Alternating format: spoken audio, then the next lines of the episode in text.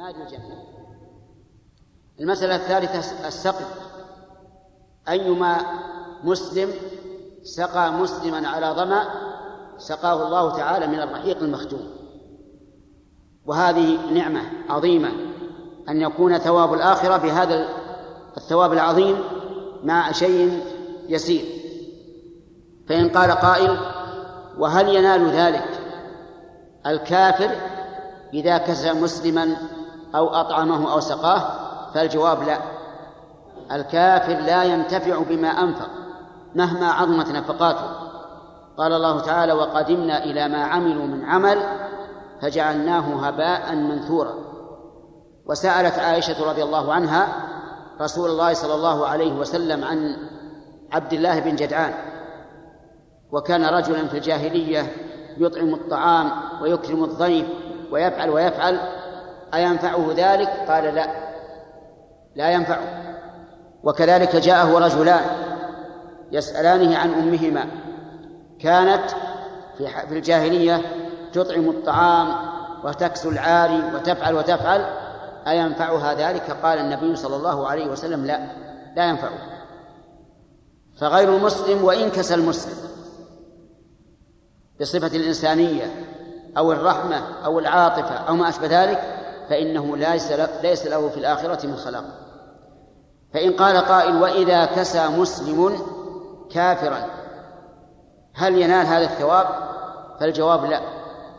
لأن النبي صلى الله عليه وسلم اشترط أن يكون الكاسي مسلما وأن يكون المحتاج مسلما وكذلك يقال في الطعام والشراب. نعم يجوز للمسلم أن يطعم الجائع من الكفار. أو يكسو العاري أو يسقي الظمآن.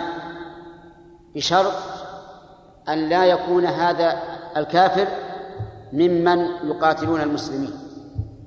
لقول الله تعالى لا ينهاكم الله عن الذين لم يقاتلوكم في الدين ولم يخرجوكم من دياركم أن تبروهم يعني بالإحسان إليهم وتقسطوا إليهم بمعاملتهم بالعدل. إن الله يحب المقسطين. إنما ينهاكم الله عن الذين قاتلوكم في الدين وأخرجوكم من دياركم وظاهروا على إخراجكم أن تولوهم. يعني تولوهم بأي شيء ينفعهم. ما داموا مقاتلين لكم معينين على إخراجكم من دياركم فهؤلاء ليس لهم كرامة وليس لهم إكرام. اللهم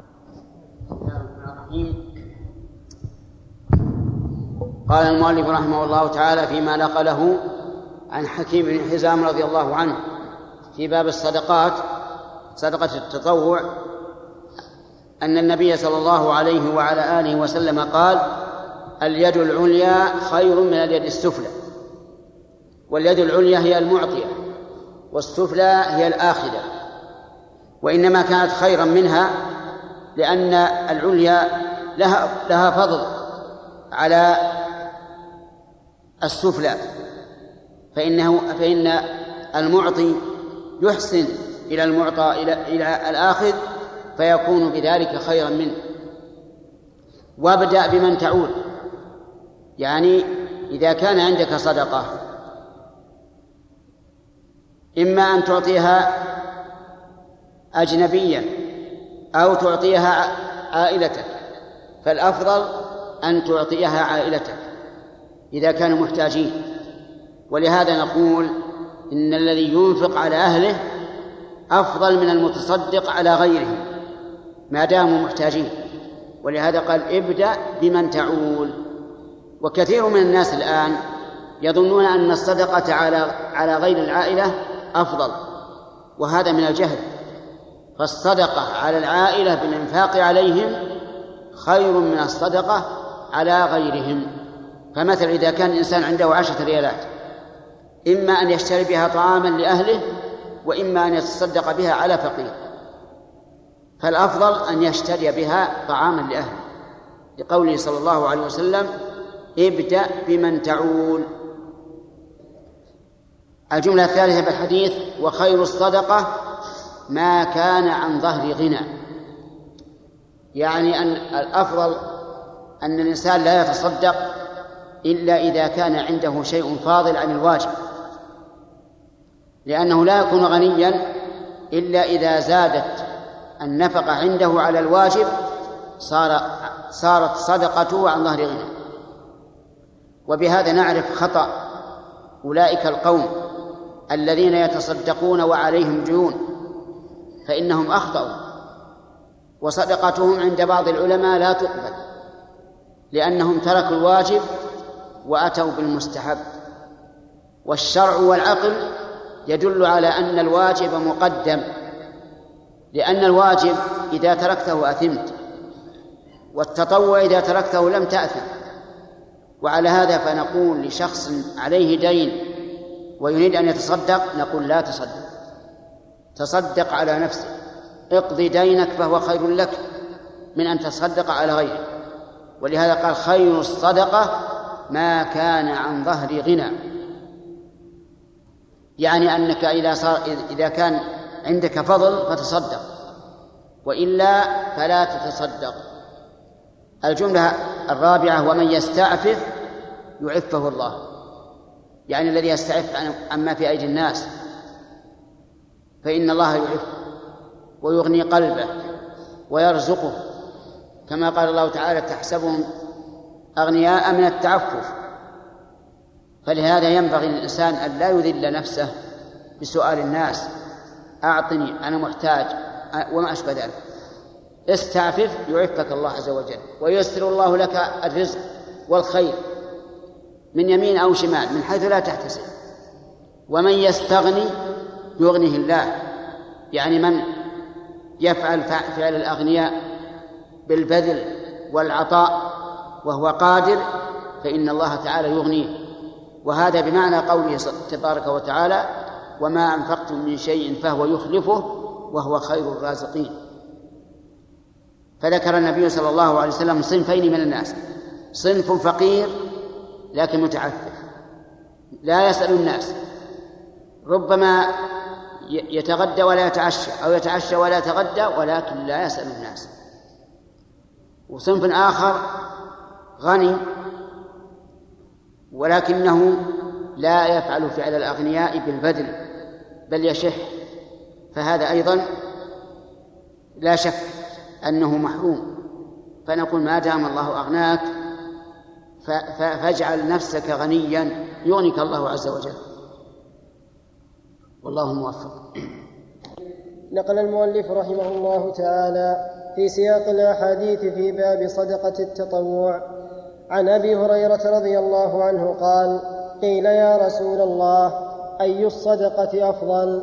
قال جهد المقل وابدأ بمن تعول. أخرجه أحمد وأبو داود وصححه ابن خزيمة وابن حبان والحاكم. وعنه رضي الله عنه قال قال رسول الله صلى الله عليه وسلم تصدقوا. فقال رجل يا رسول الله عندي دينار. قال تصدق به على نفسك. قال عندي آخر. قال تصدق به على ولدك. قال عندي آخر. قال تصدق به على زوجتك. قال عندي آخر. قال تصدق به على خادمك. قال عندي آخر. قال أنت أبصر به. رواه أبو داود والنسائي وصححه ابن حبان والحاكم. وعن عائشة رضي الله عنها قالت قال النبي صلى الله عليه وسلم إذا أنفقت المرأة من طعام بيتها غير مفسدة كان لها أجرها بما أنفقت ولزوجها أجره بما اكتسب وللخازن مثل ذلك لا ينقص بعضهم من أجر بعض شيئا. متفق عليه. وعن أبي سعيد الخدري رضي الله عنه قال جاءت زينب امرأة بن مسعود فقالت يا رسول الله إنك أمرت اليوم بالصدقة وكان عندي حلي لي فأردت أن أتصدق به. فزعم ابن مسعود أنه وولده أحق من أتصدق به عليهم. فقال النبي صلى الله عليه وسلم صدق ابن مسعود زوجك وولدك أحق من تصدقت به عليهم. رواه البخاري. الله الرحمن الرحيم. هذه أحاديث في شيء من أحكام الصدقة منها حديث أبي هريرة أن النبي صلى الله عليه وسلم سئل أي الصدقة أفضل؟ قال جهد المقل يعني ما يتصدق به الرجل إذا كان قليل المال وبذل جهده فهذا أفضل ما يكون. ولا يعارض هذا ما سبق خير الصدقة ما كان عن ظهر غنى. لأن المراد بما سبق أن ما كان عن ظهر غنى فإن المتصدق يكون أكثر يتصدق بأكثر. أما هذا فهو جهد المقل قليل لكنه ينفعه لأن لأنك لو قارنت بين رجل عنده مليون ريال وتصدق بمئة ريال وآخر عنده مئة ريال وتصدق بمئة. كان هذا الثاني أفضل لأن مئة ريال بالنسبة لماله النصف وذاك بالنسبة لماله قليل. فلهذا كان هذا أفضل من جهة وهذا أفضل من جهة. كذلك مثلا صاحب المليون تصدق بألف وصاحب المائتين تصدق بمئة. الأول أفضل من وجه لأن منفعته أعم والثاني أفضل من وجه لأنه تصدق بنصف مال هكذا يجمع بين هاتين الروايتين. وأما حديثه الثاني حيث قال رجل يا رسول الله عندي دينار. قال تصدق به على نفسك.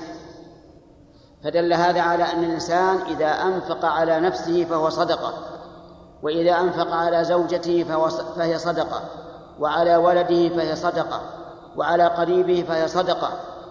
كل هذا صدقة والحمد لله وهذا من نعمة الله. ولهذا لما أمر النبي صلى الله عليه وسلم بالصدقة أرادت زينب امرأة بن مسعود أن تصدق بحليها. فقال لها زوجها عبد الله أنا وولدك أحق من تصدقت عليه. فجاءت تستفتي النبي عليه الصلاة والسلام فأخبرها بأن عبد الله بن مسعود صادق وأن زوجها وولدها أحق من تصدقت به عليه. فهذا أيضا يدلنا على أن الأقارب الصدقة عليهم أفضل. وأما ما يظنه بعض العامة أن الصدقة على الأجانب والأباعد أفضل فهذا خطأ وهذا من تزيين الشيطان لهم. وإلا فالصدقة على القريب كما قال النبي عليه الصلاة والسلام صدقة وصلة. والله موفق.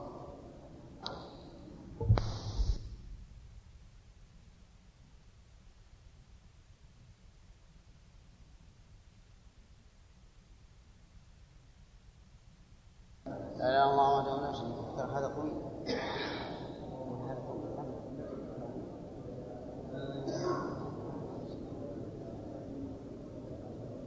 لا اله الا الله ولا نعبد إلا الله ولا نعبد الله ولا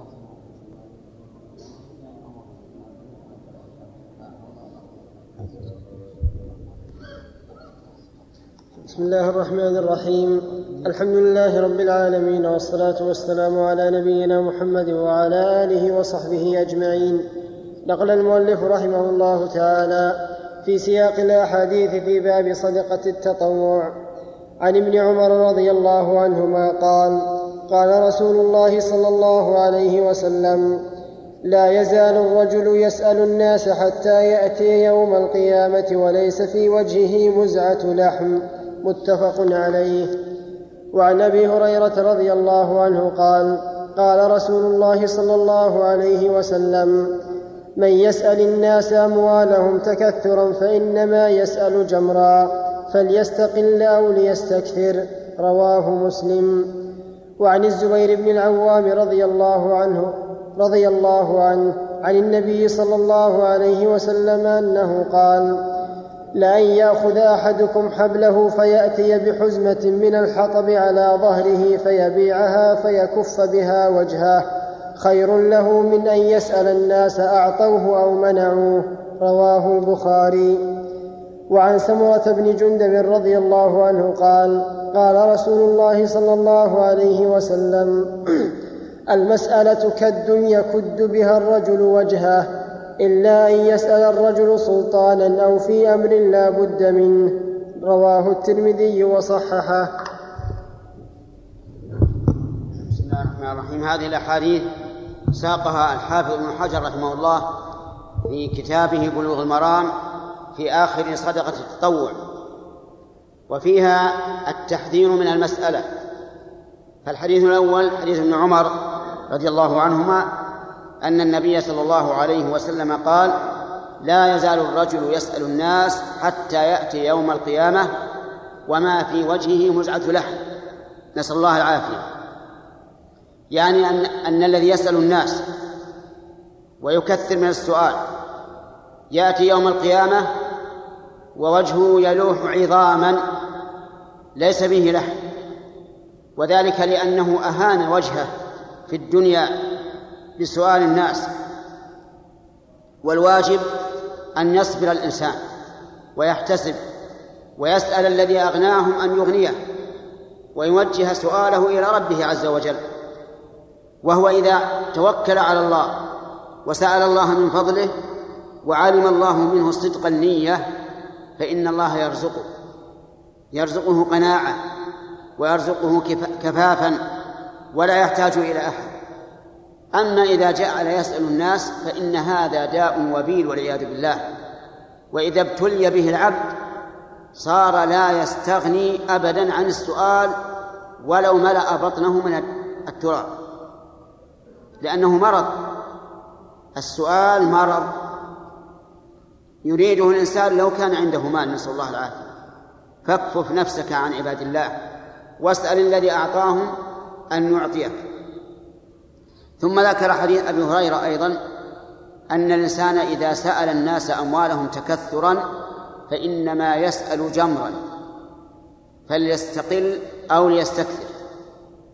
يعني الإنسان اللي عنده ما يكفيه ولكنه يسأل الناس ازديادا في المال فهذا يسأل جمرا. وإذا كان يسأل جمرا فهل الإنسان يحب أن يكثر الجمر على نفسه؟ أبدا. فكل ما تسأل فإنك تزداد جمرا والعياذ بالله وعقوبة وإثما. وكذلك أيضا الحديث الآخر أن المسألة كدح يكدح المرء بها وجهه. يعني كأنه يكد وجهه بأظافره إذا جعل يسأل الناس. وكل هذه الأحاديث تدل على أن سؤال الناس من كبائر الذنوب لأن عليها الوعيد. وكل ذنب عليه وعيد فإنه يكون من كبائر الذنوب. إلا في حالين. ذكرهما المؤلف في حديث الذي أخرجه الترمذي إذا سأل الإنسان ذا سلطان. يعني سأل الإمام أو الأمير أو الوزير في أمر يستحقه. مثل أن يذهب إليه وهو فقير ويقول أنا منا فقراء فلي حق من بيت المال. أو يكون هناك مثل كتب توزع فيأتي إلى الذي يوزعها ويقول أنا من المستحقين. أو ما أشبه ذلك. أو في أمر لا بد منه بأن يصل الإنسان إلى حد الضرورة. أو الموت إن لم يسأل فهذا يباح له. فاستغني يا أخي بما أغناك الله. واتجه إلى الله. واسأل الله من فضله. ولا تلح على الناس. فإنه كما قال الشاعر الله يغضب إن تركت سؤاله وبني آدم حين يسأل يغضب. أسأل الله أن يغنيني وإياكم من فضله إنه على كل شيء قدير. قال رحمه الله تعالى باب قسم الصدقات.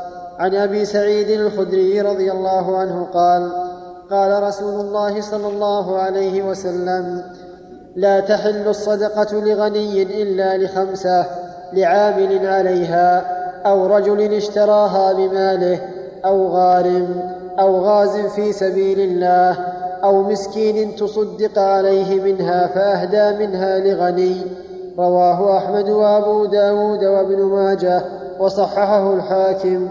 واعل بالإرسال. وعن عبيد الله بن عدي بن الخيار رضي الله عنه أن رجلين حدثاه أنهما أتيا رسول الله صلى الله عليه وسلم يسألانه من الصدقة فقلب فيهما النظر فرآهما جلدين فقال إن شئتما أعطيتكما ولا حظ فيها لغني ولا لقوي مكتسب.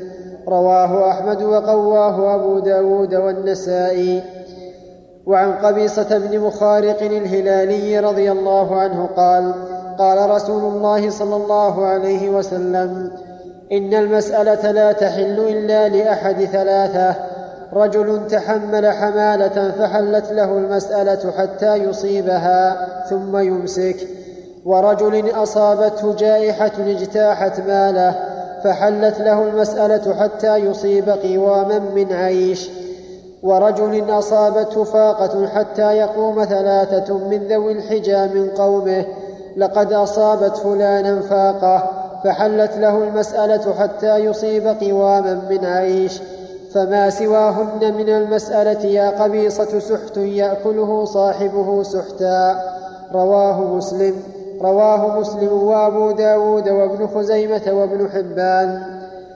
وعن عبد المطلب بن ربيعة بن الحارث قال قال رسول الله صلى الله عليه وسلم إن الصدقة لا تنبغي لآل محمد إنما هي أوساخ الناس. وفي رواية وإنها لا تحل لمحمد ولا لآل محمد. رواه مسلم. وعن جبير بن مطعم رضي الله عنه قال مشيت أنا وعثمان بن عفان أنا وعثمان بن عفان إلى النبي صلى الله عليه وسلم فقلنا يا رسول الله أعطيت بني المطلب من خمس خيبر وتركتنا ونحن وهم بمنزلة واحدة فقال رسول الله صلى الله عليه وسلم إنما بنو المطلب وبنو هاشم شيء واحد رواه البخاري. وعن أبي رافع رضي الله عنه أن النبي صلى الله عليه وسلم بعث رجلا على الصدقة من بني مخزوم فقال لأبي رافع اصحبني فإنك تصيب منها. فقال لا حتى آتي النبي صلى الله عليه وسلم فأسأله. فأتاه فسأله فقال مولى القوم من أنفسهم وإنها لا تحل لنا الصدقة. رواه أحمد والثلاثة وابن خزيمة وابن حبان. وعن سالم بن عبد الله بن عمر عن أبيه رضي الله عنهما أن رسول الله صلى الله عليه وسلم كان يعطي عمر بن الخطاب العطاء فيقول أعطه أفقر مني. فيقول خذه فتموله أو تصدق به. وما جاءك من هذا المال وأنت غير مشرف ولا سائل فخذه. وما لا فلا تتبعه نفسك. رواه مسلم. بسم الله الرحمن الرحيم. هذا الباب عقده المؤلف رحمه الله لبيان أهل الصدقات يعني أهل الزكوات. وقد بينه الله تعالى في كتابه أتم بيان فقال جل وعلا إنما الصدقات للفقراء والمساكين والعاملين عليها والمؤلفة قلوبهم وفي الرقاب والغارمين وفي سبيل الله وابن السبيل. ثمانية أصناف. فالفقراء والمساكين هم الذين لا يجدون كفايتهم وعوائلهم وكفاية عوائلهم فهم محتاجون. وقدرها العلماء رحمهم الله بالسنة فقالوا من لم يجد كفايته سنة فإنه فقير أو مسكين. فإن وجد النصف فأكثر فهو مسكين وإن وجد دون ذلك فهو فقير. فيعطى ما يكفيه.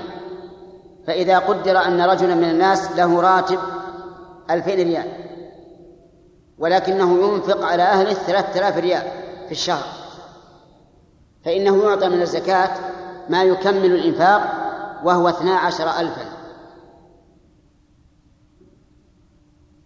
والعاملين عليها هم الذين يبعثهم ولي الأمر الإمام أو نائبه لقبض الزكوات من أهلها فيعطون بقدر أجرتهم ولو كانوا أغنياء. ويسمون الجبات يعني جبات الزكاة. وأما المؤلف قلوبهم فهم الذين دخلوا في الإسلام ولكنه لم يستقر الإيمان في قلوبهم فيعطون من الزكاة ما يحصل به التأليف. أو إنسان لم لم يسلم لكنه قريب من الإسلام فيعطى من الزكاة لتأليف قلبه حتى يدخل في الإسلام.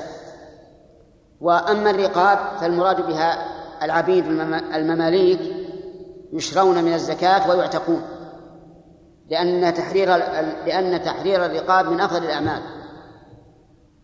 وأما الغارمون فالغرم نوعان. النوع الأول الغارم لنفسه يعني الذي عليه ديون للناس.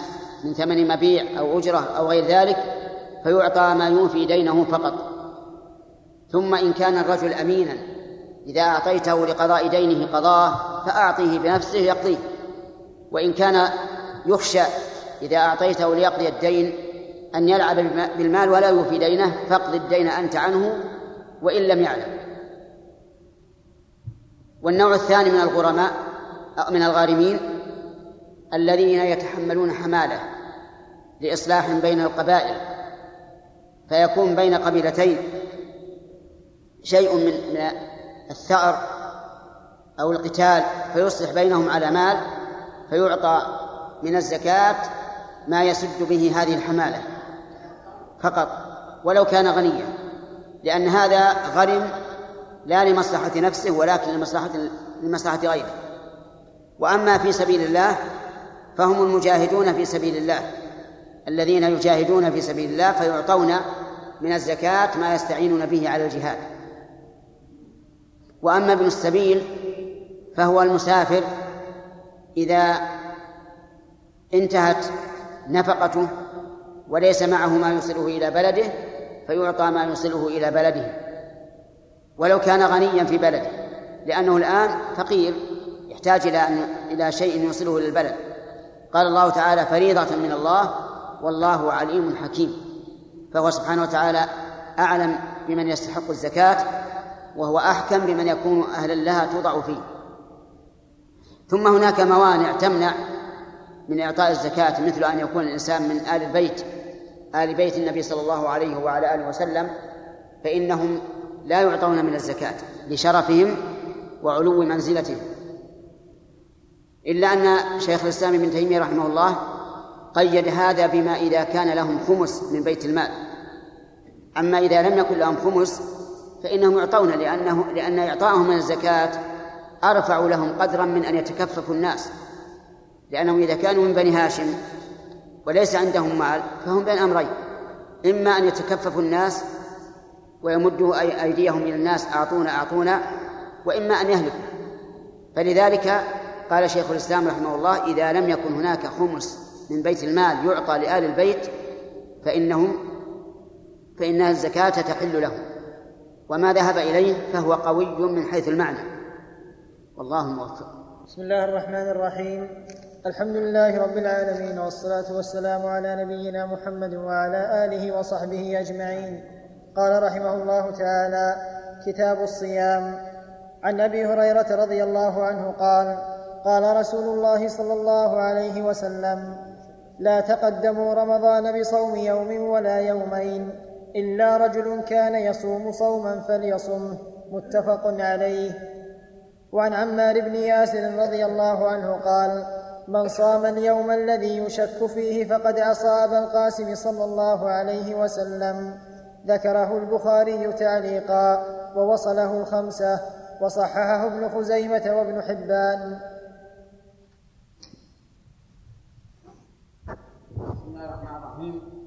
قال الحافظ ابن حجر رحمه الله كتاب الصيام.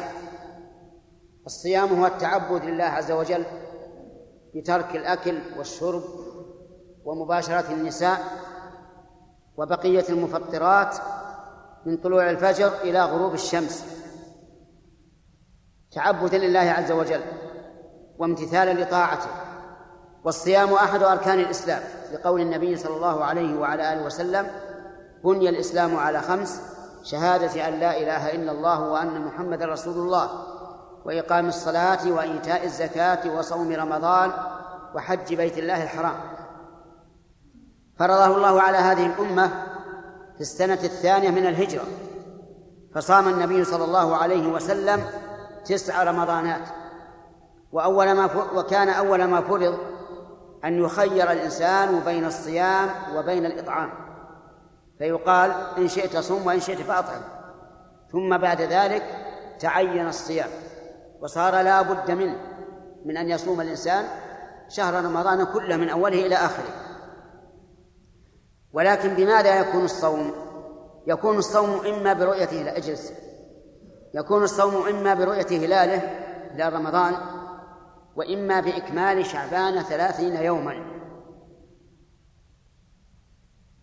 فأما إذا كان هناك غيم أو قتر يمنع من رؤية الهلال فإنه لا صيام.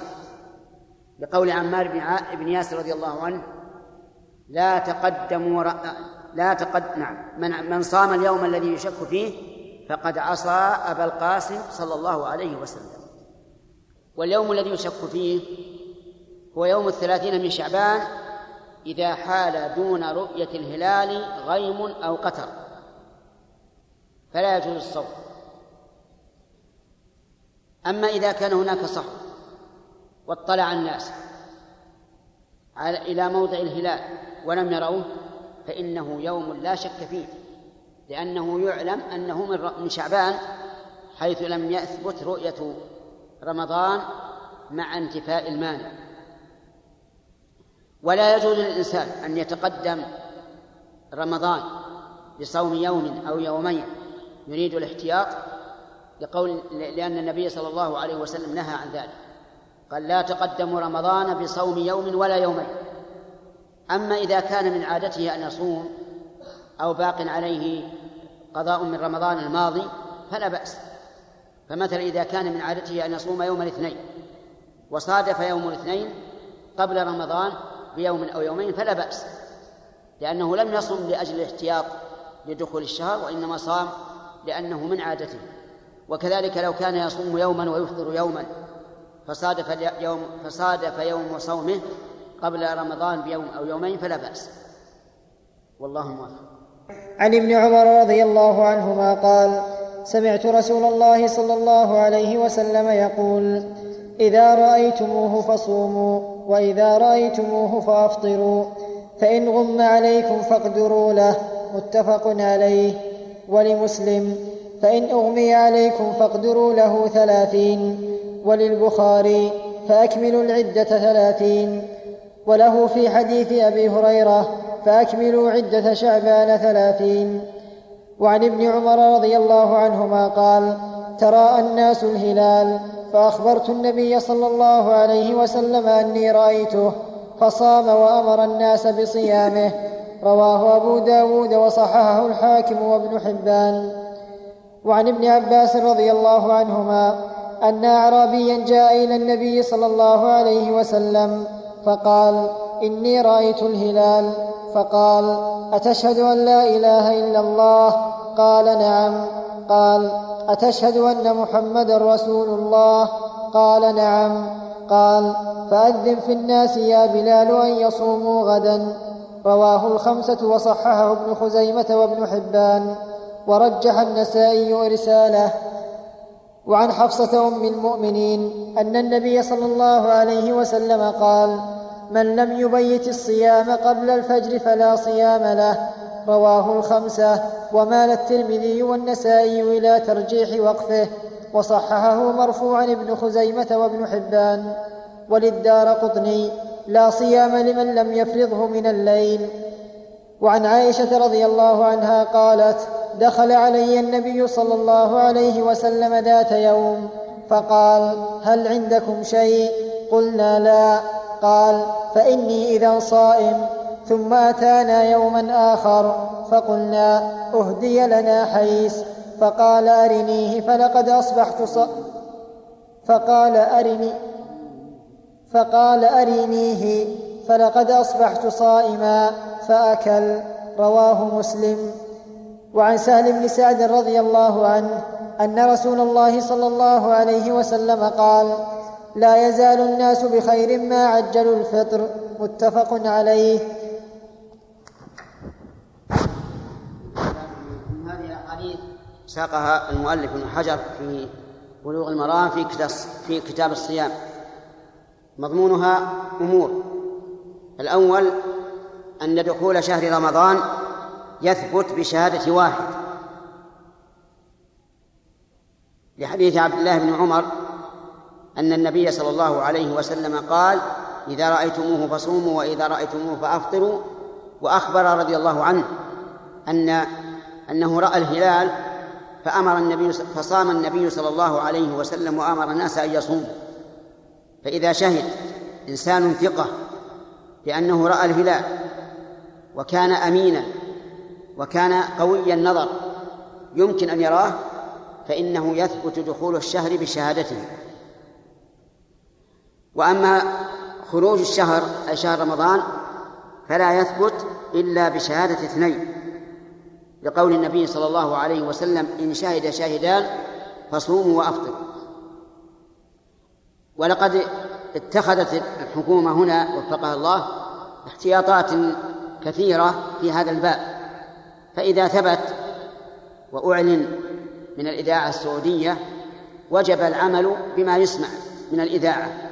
إما في دخول الشهر أو خروجه. وفي هذه الحديث أيضا أن الإنسان إذا أراد أن يصوم فلا بد أن يبيت النية قبل الفجر. وهذا في الفريضة. أما النافلة فله أن ينوي من أثناء النهار إذا لم يكن أكل أو شرب. ولكن قد يشكل على الإنسان إذا كان ليلة إذا كان ليلة الثلاثين من شعبان ولم يثبت الخبر قبل أن ينام. فهل يجوز أن ينام على نية أنه إن كان غدا من رمضان فهو صائم أو لا؟ والجواب أنه نعم يجوز. إذا نمت ولم يثبت الخبر تعقد النية على أنه إن كان غدا من رمضان فأنت صائم. وإذا تبين أنه من رمضان أجزأك. لأن لأن لك على الله تعالى ما استثنيت. وفي الحديث وأما النافلة فلا بأس أن ينويها الإنسان من أثناء النهار إذا كان لم يأكل ولم يشرب ولم يأتي بمفطر لأن النبي صلى الله عليه وعلى آله وسلم دخل على أهله ذات يوم فسألهم هل عندكم شيء؟ قالوا لا. قال فإني إذا صائم. إذا يعني في الحال فنوى الصيام في الحال. أما حديث سهل بن سعد فإن النبي صلى الله عليه وسلم قال لا يزال الناس بخير ما عجلوا الفطر. فكلما عجل الناس الفطر إذا تحققوا غروب الشمس أو غلب على ظنهم غروبها لكونها في غيم أو نحوه فإنه أفضل للمبادرة برخصة بالأخذ برخصة الله عز وجل. ولهذا قال النبي صلى الله عليه وعلى آله وسلم لا يزال الناس بخير ما عجلوا الفطر. ولكن إذا كنت في البيت لا تشاهد الشمس فاعمل بأذان بأذان المؤذن إذا كان ثقة. وإن كنت في البر تشاهد الشمس فلا تفطر حتى تغيب. حتى لو أذن المؤذن لا تفطر حتى تغيب. نقل المؤلف رحمه الله تعالى في سياق الأحاديث في كتاب الصيام. عن أنس بن مالك رضي الله عنه قال قال رسول الله صلى الله عليه وسلم تسحروا فإن في السحور بركة متفق عليه. وعن سليمان بن عامر الضبي عن النبي صلى الله عليه وسلم قال إذا أفطر أحدكم فليفطر على تمر فإن لم يجد فليفطر على ماء فإنه طهور. رواه الخمسة وصححه ابن خزيمة وابن حبان والحاكم. وعن أبي هريرة رضي الله تعالى عنه قال نهى رسول الله صلى الله عليه وسلم عن الوصال فقال رجل من المسلمين فإنك تواصل يا رسول الله؟ فقال وأيكم مثلي؟ إني أبيت يطعمني ربي ويسقيني. فلما أبوا أن ينتهوا عن الوصال واصل بهم يوما ثم يوما ثم رأوا الهلال فقال لو تأخر الهلال لزدتكم. كالمنكر لهم حين أبوا أن ينتهوا متفق عليه.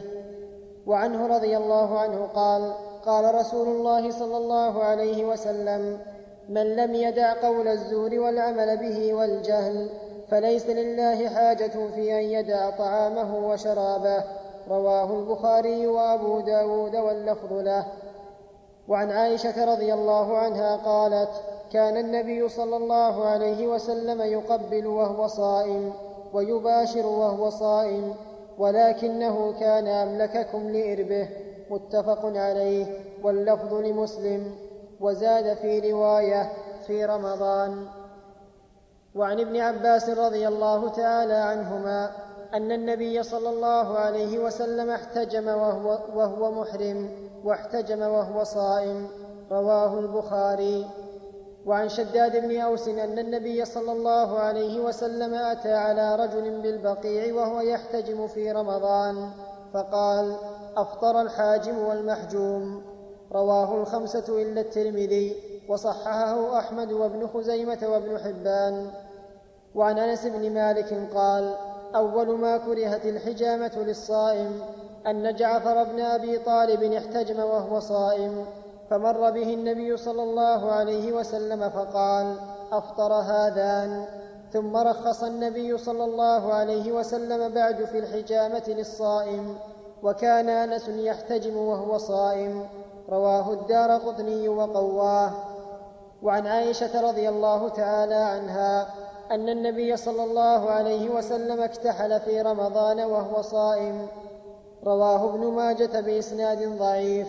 وقال الترمذي لا يصح في هذا الباب شيء. أحاديث فيما يتعلق بالصيام. ذكرها الحافظ ابن حجر في كتابه بلوغ المرام. تدل على مسائل منها السحور وهو الأكل في آخر الليل لمن أراد أن يصوم وهو سنة. أمر به النبي صلى الله عليه وعلى آله وسلم وفعله بنفسه وأقر عليه أصحابه ورغب فيه. فقال صلى الله عليه وسلم تسحروا يعني كلوا أكلة أكلة السحور وهي التي تكون في آخر الليل لمن أراد أن يصوم. فإن في السحور بركة ويجوز فإن في السحور بركة. كلاهما صحيح. فأمر به وبين فائدته أنه بركة. فمن بركاته أنه امتثال لأمر النبي صلى الله عليه وسلم. وكل شيء يمتثل به الإنسان أمر النبي صلى الله عليه وسلم فإنه خير وبركة. يجد ثمرته في قلبه وفي عمله وفي محبته للخير وغير ذلك. ومن بركته أن فيه اقتداء بالنبي صلى الله عليه وسلم الذي أمرنا باتباعه. حيث قال تعالى فاتبعوه لعلكم تهتدون. ومن ومن بركته أنه يعين على الصيام والمعين على الطاعة خير وبركة بلا شك. والإنسان إذا تسحر استعان بسحوره على الشبع والري وهان عليه الصوم.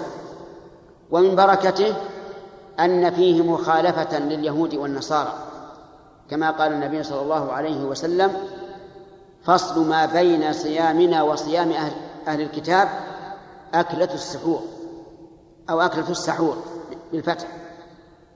كل هذا من بركاته ولذلك ينبغي لنا إذا قدم لنا السحور لنتسحر به أن نستحضر أمر النبي عليه الصلاة والسلام وأننا نأكل امتثالا لأمره. واقتداء به ورجاء لبركة هذا الطعام. ولهذا سماه الرسول عليه الصلاة والسلام الغداء الغداء المبارك. كذلك أيضا مما يتعلق بما ساقه المؤلف الإفطار.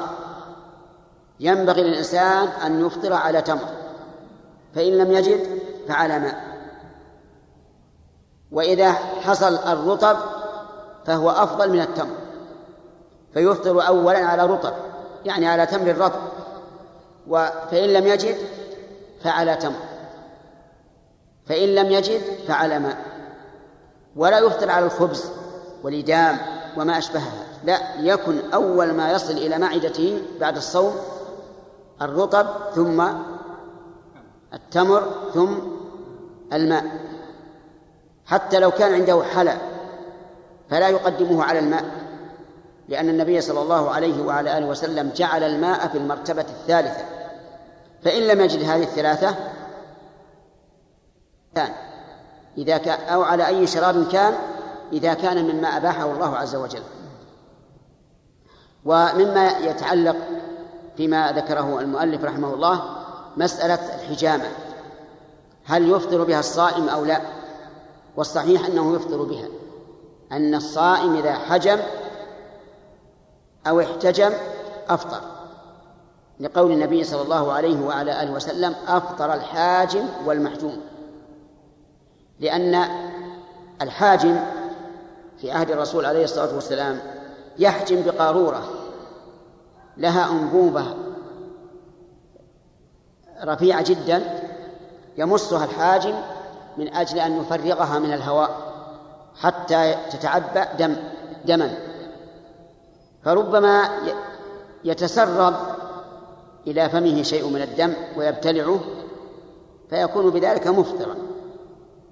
وأما المحتجم فإنما يفطر لأنه سيخرج منه دم كثير يؤثر على بدنه ويضعف فكان من رحمة الله أنه يفطر. وعلى هذا فإذا كان صومه واجبا حرم عليه أن يحتجم في النهار. فإن اضطر للحجامة جازت الحجامة ولكن نقول إذا احتجمت فكل واشرب لأنك أفطرت لعذر فجاز لك الأكل والشرب ومما يتعلق فيما ذكره المؤلف رحمه الله مباشرة المرأة إذا كان الإنسان له زوجة وهو صائم فهل له أن يقبلها أو يباشرها أو يضمها أو ما أشبه ذلك؟ فالجواب نعم له ذلك.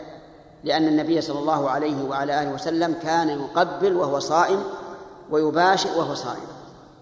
لكن إذا كان يخشى على نفسه من فساد الصوم يخشى أنه إذا قبل امرأته أنزل المني أو إذا ضمها أنزل المني أو ما أشبه ذلك فلا يجوز. أما إذا كان حافظا نفسه فلنا في رسول الله صلى الله عليه وسلم أسوة حسنة. بدت أنيابه ثم قال اذهب فأطعمه أهلك رواه السبعة واللفظ لمسلم. هذه أحاديث تتضمن عدة مسائل منها اكتحال الصائم. هل يجوز للصائم أن يكتحل ويقطر في عينه قطرة أو لا يجوز؟ الصحيح أنه يجوز لأن الأصل الإباحة. حتى يقوم دليل على أنه ممنوع. وأما حديث عائشة أن النبي صلى الله عليه وسلم اكتحل في رمضان وهو صائم فهو ضعيف لكننا لا نحتاج إليه لأن الأصل عدم المنع حتى يقوم دليل على المنع. ولم يرد عن النبي صلى الله عليه وعلى آله وسلم أنه نهى عن الاكتحال. وعلى هذا فيكتحل الإنسان الصائم ويقطر في عينه وكذلك يقطر في أذنه. ولا حرج عليه حتى لو فرض أنه نفذ هذا القطور حتى وجد طعمه في حلقه فلا بأس. لأن هذا ليس أكلا ولا شربا ولكنه دواء وأيضا هو دواء لم يدخل في منفذ معتاد. فليس العين منفذا معتادا كالأنف. الأنف إذا قطر الإنسان في أنفه ووصل إلى إلى جوفه أفطر لكن هذه العين لا لأنها ليست منفذا معتادا. وتضمنت هذه الأحاديث إذا أفطر الإنسان إذا أكل الإنسان أو شرب وهو ناس. فماذا عليه؟ ليس عليه شيء. لأن النبي صلى الله عليه وعلى آله وسلم قال من نسي وهو صائم فأكل أو شرب فليتم صومه فإنما أطعمه الله وسقاه. لكن إذا ذكر يجب عليه أن يمتنع ويتوقف حتى لو كانت اللقمة أو الجرعة من الماء في فمه وجب عليه أن يلفظها لأنه زال زال العذر. وكذلك لو اغتر وأفطر قبل أن تغيب الشمس ثم تبين أنها قد غابت آه، نعم وأفطر قبل أن تغيب الشمس ظنا منه أنها قد غابت وتبين أنها لم تغب فصومه صحيح. لأنه ثبت في صحيح البخاري عن أسماء بنت أبي بكر رضي الله عنه أنهم أفطروا في يوم غيم على عهد النبي صلى الله عليه وسلم ثم طلعت الشمس ولم يأمرهم بالقضاء. ولو كان القضاء واجبا لأبلغهم الرسول عليه الصلاة والسلام بذلك. ثم هو داخل في عموم قوله تعالى وليس عليكم جناح فيما أخطأتم به ولكن ما تعمدت قلوبكم. وفي, قو وفي عموم قوله تعالى ربنا لا تؤاخذنا إن نسينا أو أخطأنا. فقال الله قد فعلت. وتضمنت هذه الأحاديث إفطار المسافر هل يفطر أو لا يفطر. ودلت على أن الإنسان مخير إن شاء, إن شاء صام وإن شاء أفطر. ولكن ما الأفضل أن يصوم أو أن يفطر؟ يقال إن كان على المسافر مشقة فالأفضل أن يفطر. ليقبل رخصة الله عز وجل. وإن لم يكن عليه مشقة فالأفضل أن يصوم.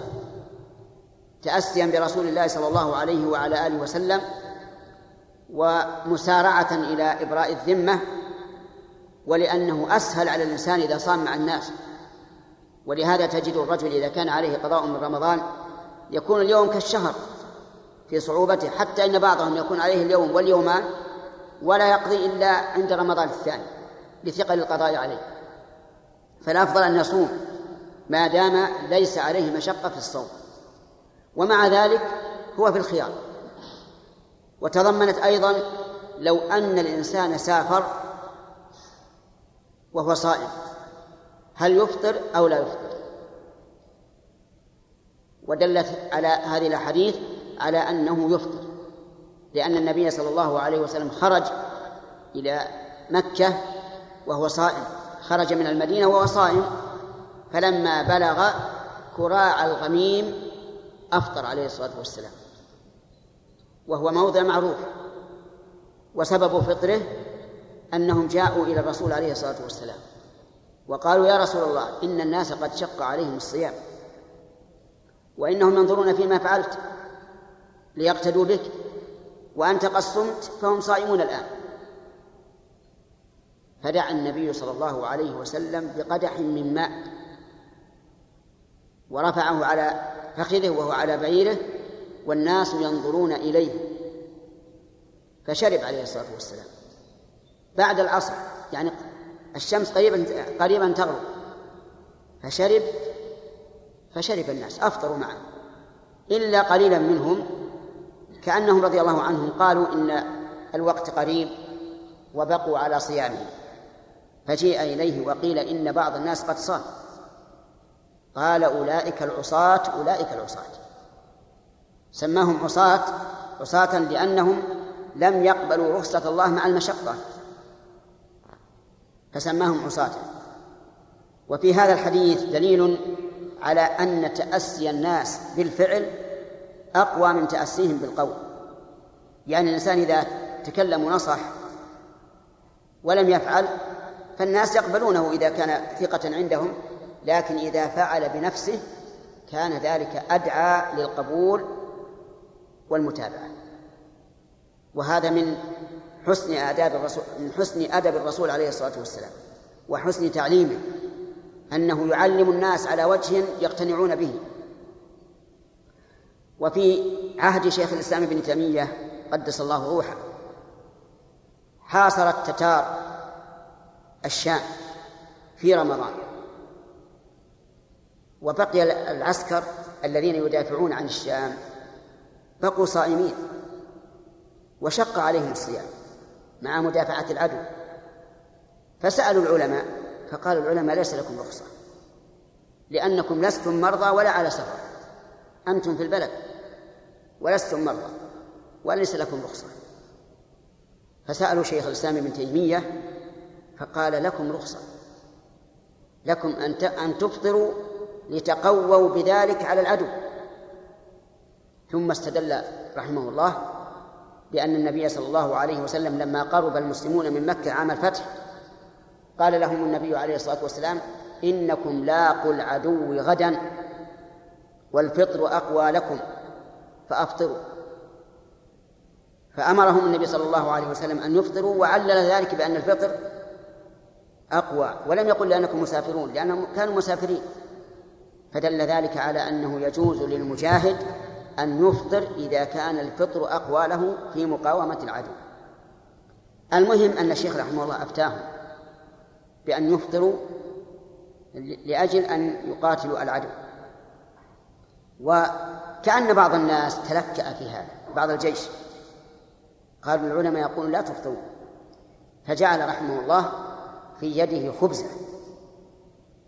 وجعل يمشي بين صفوف المجاهدين ويأكلها وهم ينظرون. لأنه هو مجاهد رحمه الله. هو من أشجع الناس في صف القتال. فجعل يأكلها والناس ينظرون علشان إيش؟ علشان يقتنعوا بهذا ويتقووا عليه. وهذا نظير فعل الرسول عليه الصلاة والسلام. لم يقل الرسول عليه الصلاة والسلام لما قال إن لما قالوا إن الناس قد شق عليهم الصيام لم يقل مروهم فليفطروا بل هو أفطر بنفسه فعلا أمام الناس وحينئذ تابعه الناس. ونظير هذا نسوق هذه الاخوه طلاب العلم نظير هذا في اقتداء الناس بالفعل دون القول أنهم لما حصرهم العدو في في غزوة الحديبية. غزوة الحديبية لما جاء النبي صلى الله عليه وسلم إلى مكة معتمرا منعته قريش لأنهم هم أهل مكة وبيدهم السلطة. وقالوا ما يمكن تدخل أبدا. فأمر أصحابه أن يحلوا من إحرامهم وأن يذبحوا هديهم ويرجعوا إلى المدينة بالشروط المعروفة. أمرهم أن يحلوا أمرهم أن يحلقوا. ما فعل أحد شيئا. ليس ليس للعصيان لكن رجاء أن أن الرسول عليه الصلاة والسلام يعدل عن رأيه. فدخل على إحدى أمهات المؤمنين وأخبرها الخبر فقالت يا رسول الله اخرج فادع الحلاق فليحلق رأسك أمامه. ففعل عليه الصلاة والسلام. خرج ودعا الحلاق فحلق فجعل الصحابة يقتتلون على على الحق أيهم يحلق أولا؟ فدل ذلك على أن اقتناع الناس بالفعل أقوى من من اقتناعهم بالقول. وهذه طريقة ينبغي لطالب العلم أن يفعلها في الدعوة إلى الله لأن ذلك أشد اقتناعا. أما الحديث الأخير الذي تضمنته هذه الأحاديث فهو حديث قصة الرجل الذي جامع زوجته في رمضان وهو صائم. والجماع في رمضان حرام. ومن أعظم المفطرات وأغلظها فيه الكفارة المغلظة. عتق رقبة فإن لم يجد فصيام شهرين متتابعين فإن لم يستطع فإطعام ستين مسكينا. فإن لم يجد سقطت.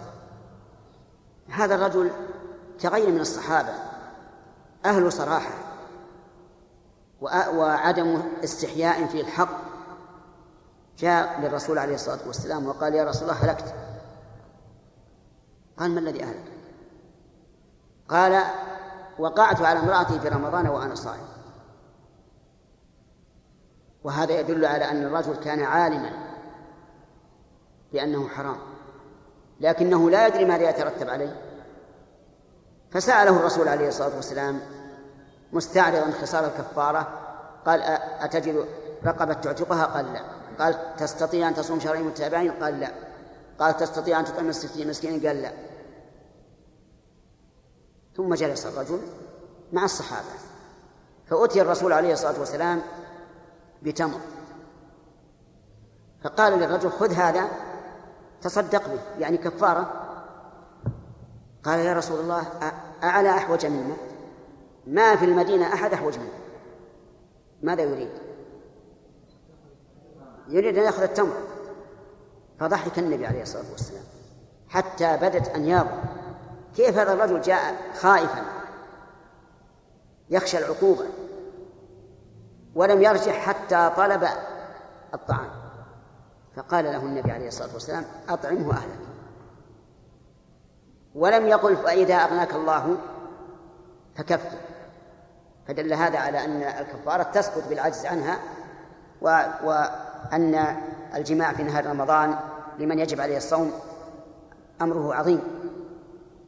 طيب فإذا كان الإنسان مسافرا هو وزوجته وكان صائمين ثم أراده هل يجوز أو لا؟ الجواب نعم يجوز. له أن يجامعه لأن المسافر لا يجب عليه الصوم. فلو كان في عمرة أدى ذهب إلى مكة للعمرة هو وأهله. وانتهت العمرة. وأراد امرأته وهما صائمان فله ذلك. وليس عليه كفارة وليس عليه إثم ولكن يقضي بدل هذا اليوم. فإذا فإذا قال الإنسان رجل في البلد صائم هو وامرأته وأرادها فأبت فهل يجوز أن تأبى عليه؟ الجواب. نعم يجوز بل يجب أن تأبى عليه. لكن لو أكرهها وعجزت عن مدافعته وجامعها فهو آثم من وجهين من وجه أنه أفسد صومه وأنه أكره زوجته. أما هي فليس عليها إثم ولا قضاء ولا كفارة لأنها معذورة. والله موفق.